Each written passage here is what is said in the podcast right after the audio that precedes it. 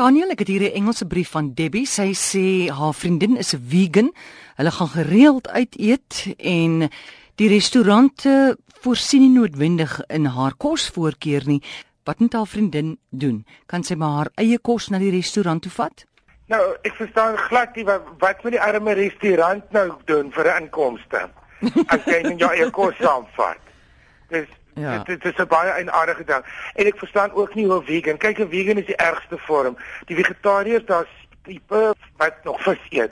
Dan is daar ander wat eiers eet en um melk en so. Hulle wil net nie dat 'n lewendige wese wat rondgeloop het mm. geslag word nie. En dan is daar wat die vegan wat aan niks wat jy en 'n vegan volgens my kennis is net so erg soos iemand wat allergies is wat nie is 'n produk kan eet in 'n fabriek waar daar neute ook gebruik word nie. 'n Vegan sal nie gaan eet in 'n restaurant waar daar in dieselfde kombuis, in dieselfde potte en panne dierprodukte gebruik word nie.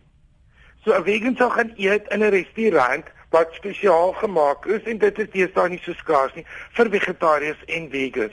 Jy bel vir die tyd. Jy vra, kyker vir julle vir my. Jy vra hang daar 'n karkas oor die pan as jy vir my spinasie gaan verwelk. Jy kan nie in 'n restaurant instap met 'n kosblik nie. Ek verstaan nie wat wat moet die restaurant nou doen? Vir jou huur vra vir die stoel.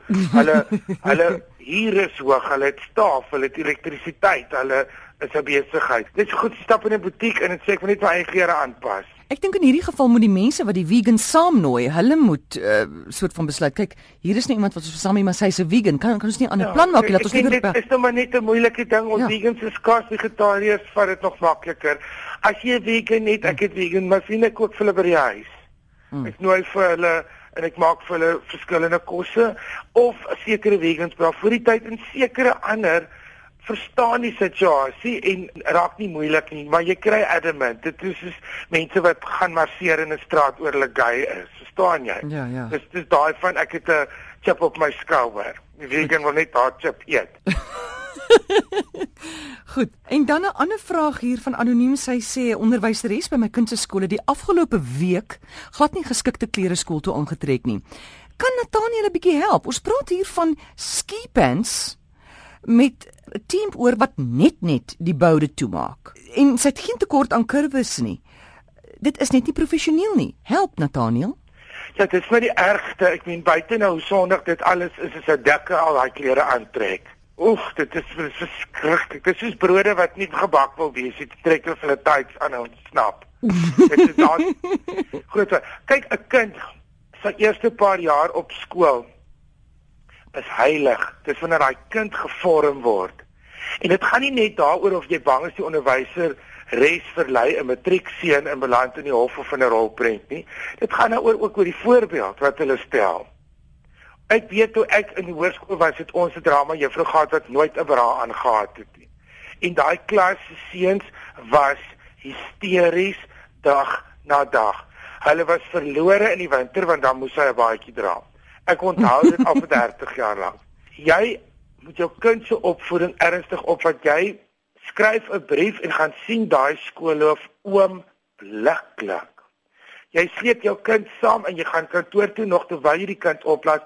Daai vrou kom nie so aan by 'n skool nie. Dit daar's geen geen geen omstandighede waar dit toegelaat word. As ek 'n kind gehad het, sal ek soos 'n um, warm hond oor daai heining spring en moeilikheid maak. Jy kyk na jou kind en jy gaan nie dat 'n tert 'n groot deel van jou kind se opvoeding beïnvloed en so lyk nie. Gaan koop vir die dinge kaftan of 'n voorskoot of net 'n plakkaat wat sy voor agter kan hang wat sê ek is jammer of sit op 'n dieet, maar jy kan nie dit laat met jou kinders nie.